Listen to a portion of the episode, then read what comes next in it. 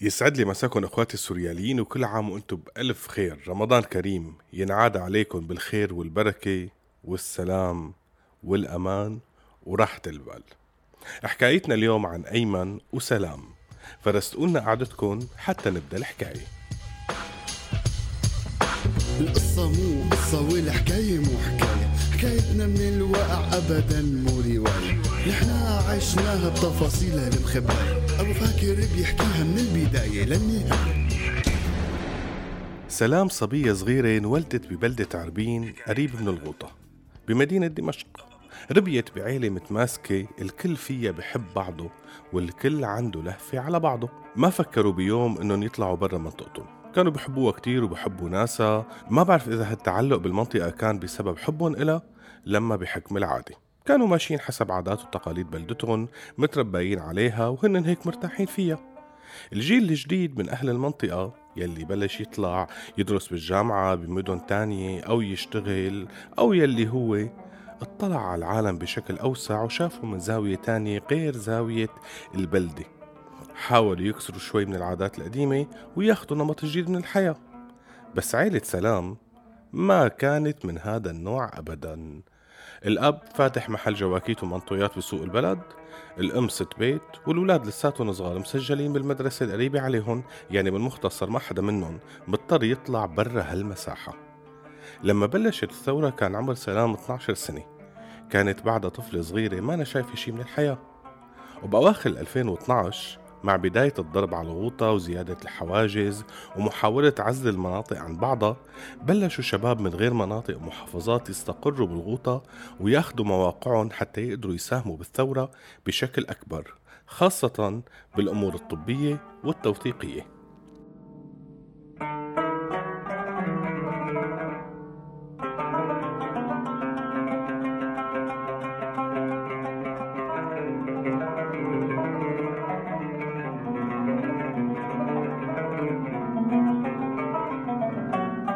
من ضمن هالشباب اللي إجوا أيمن.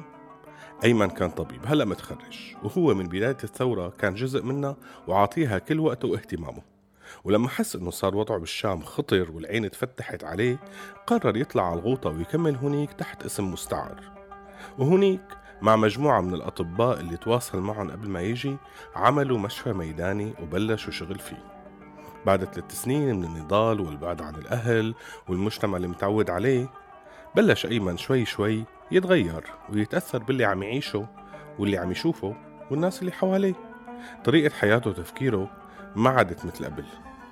بعد كل شي شافه صار عايش بانتظار الشهادة.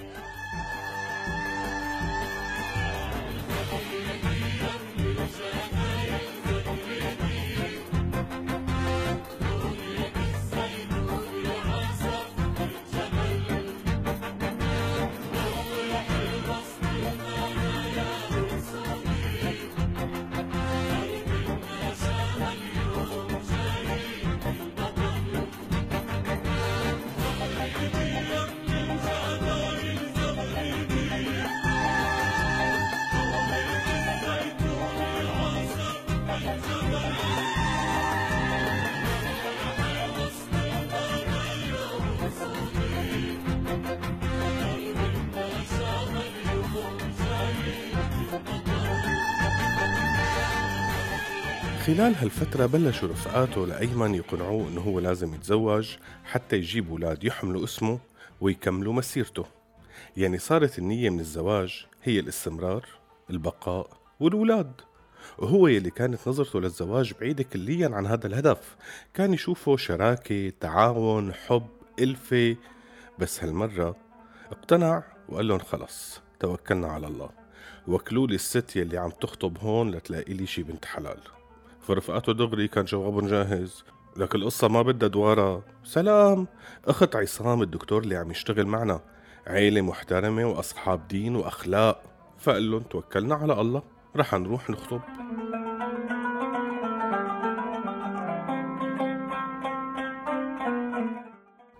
هلا عادات أهل سلام إنه الشاب مو مسموح يشوف الصبية اللي بده يخطبها إلا مرات محدودة.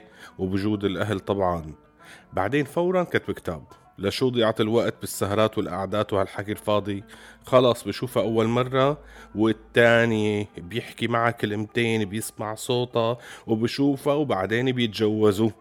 وكان آخر شي ممكن حدا يتوقعه إنه أيمن الشاب المنفتح يلي كان الكل بيحكي بفكره وبعقله يخطب بهي الطريقة. يمكن التعب والضغوط النفسية اللي كان عم يمر فيها يمكن تأثير البيئة يلي عندها هي القصة طبيعية مانا كتير غريبة. يمكن بعد كل الموت يلي شافه صارت الحياة بنظره هي انتظار للشهادة أو الموت.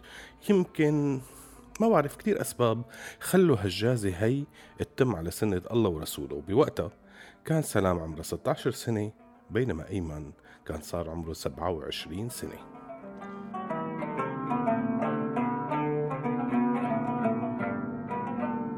عاشوا سلام وأيمن حياة الحصار والصبر والتعب. يوم يقويها ويوم تقويه حملت وجابت بنوتة والحصار عم يشتد. تمرض البنوتة ما في دواء. تجوع ما في أكل. سكنت بالأقبية جربت الملاجئ. عاشت كملت صمدت مع أهلها وكتار من الأطفال يلي مثلها. لليوم يلي إجا في وقت التسليم. تسليم الغوطة للنظام وخروج أهلها منها. معقول طلعنا سالمين؟ كانت هي صدمة بحد ذاتها بالنسبة لسلام معقول بعد كل هالسنين سلموها هيك؟ يعني في بيناتنا خونة؟ ولا كلياتنا شاركنا بالوصول لهالنتيجة؟ طب نحن هلأ شو بدنا نعمل؟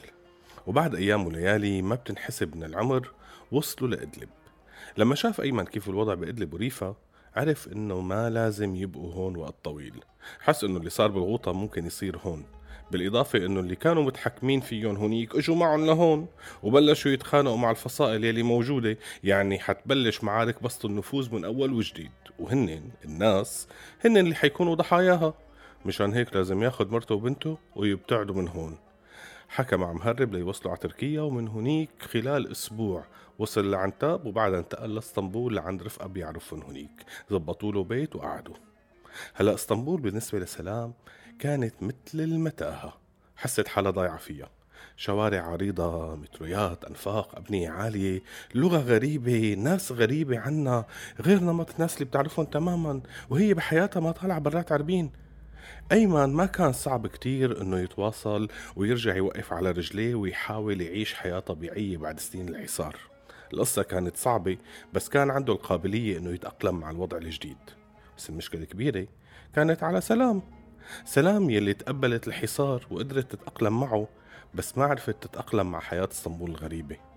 قدرت تتجاوز صوت الطيارة فوق راسها بس ما قدرت تتحمل ضغط الأسانسير لما زاروا جماعة من رفقاتهم. تحملت عيشة الأقبية بس ما تقبلت الطوابق العالية. كانت أشطر وحدة بنقل صورة الغوطة والمعاناة اللي عاشوها. بس كان هذا الحديث هو الوحيد يلي برصيدها تعبت سلام كتير وفاتت باكتئاب. اختنقت من صعوبة الحياة. صعوبة من نوع جديد.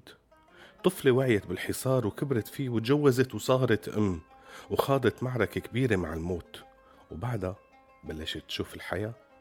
وهون بديت معركتها الحقيقية.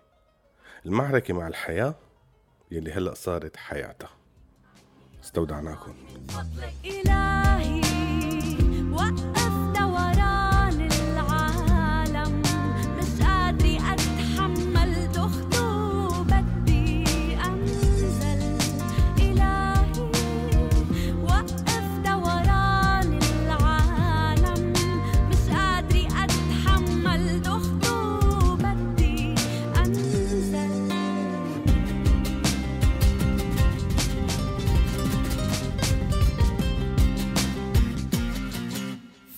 الغاب ما ليس فينا.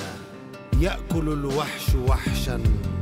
إن جاع لا وحشين إلهي هب لي بلادا ملاذا. لا دين فيهم ويحيون في سلم كما ترى. أم ترى الليث يقتل من أجل مذهبه الطائفي ظبيا؟